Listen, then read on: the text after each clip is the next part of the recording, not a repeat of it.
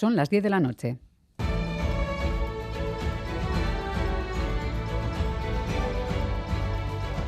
Radio Euskadi y Radio Vitoria.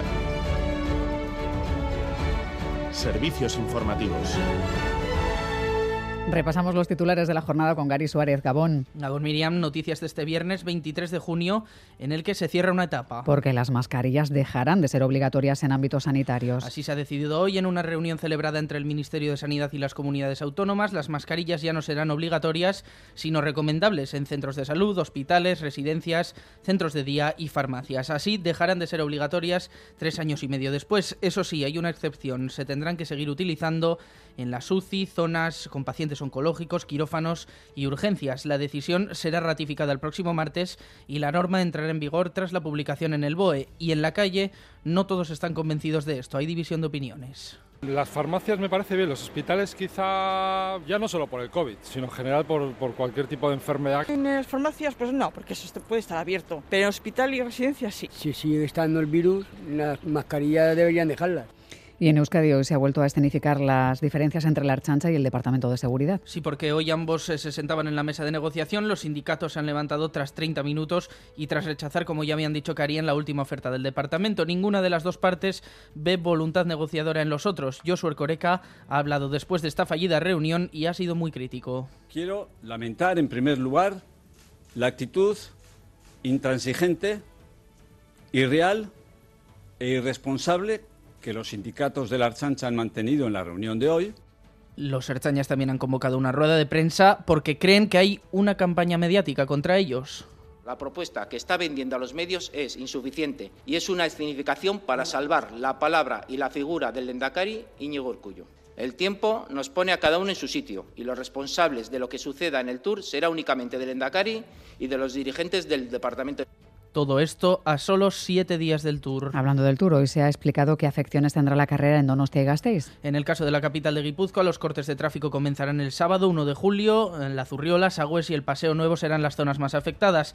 Estas son las recomendaciones del concejal de seguridad Martín Ibabe. Que la ciudadanía planifique con antelación todos los desplazamientos que vayan a ejecutar esos días y se priorice el uso del transporte público, renunciando al uso del vehículo privado porque las limitaciones a la movilidad van a ser muy importantes.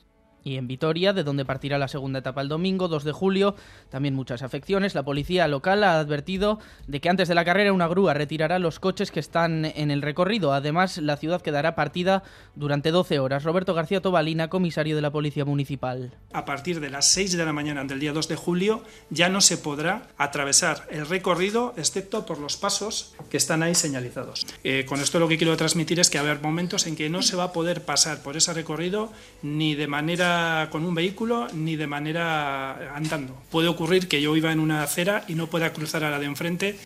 Y hoy jornada muy calurosa, el baño ha estado prohibido en varias playas. Las fuertes lluvias de estos pasados días han dejado la presencia de la bacteria E. coli en varios de nuestros arenales.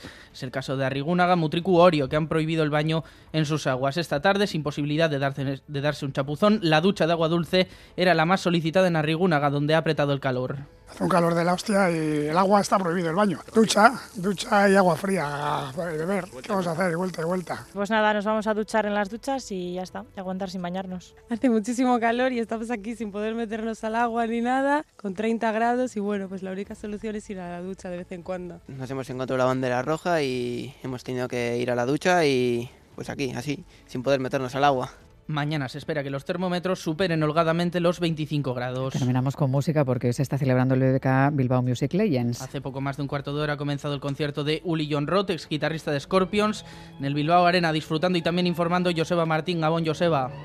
Gabón de nuevo desde el Bilbao Arena, donde como bien decís hace 15 minutos ha dado el comienzo la actuación de Uli John Roth, el que fuera guitarrista de los Scorpions en la década de los 70. Este músico con más de 40 años de carrera se mueve entre el rock y el blues, con guiños al heavy metal clásico también, a Jimi Hendrix. A Uli John Roth le han precedido en el escenario principal la cantante de Carolina del Norte, afincada ahora en Nueva Orleans, Nicky Hill, con una desbordante mezcla de soul y rock que recordaba por momentos a una desatada Tina Turner.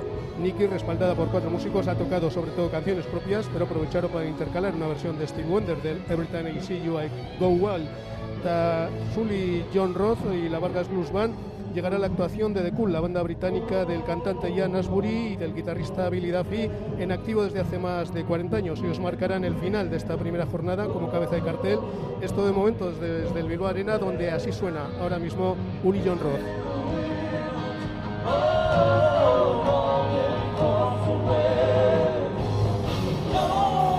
Así terminamos. Más noticias en una hora y en todo momento en itv.eus y en la aplicación ITV Albisteac. Geruarte.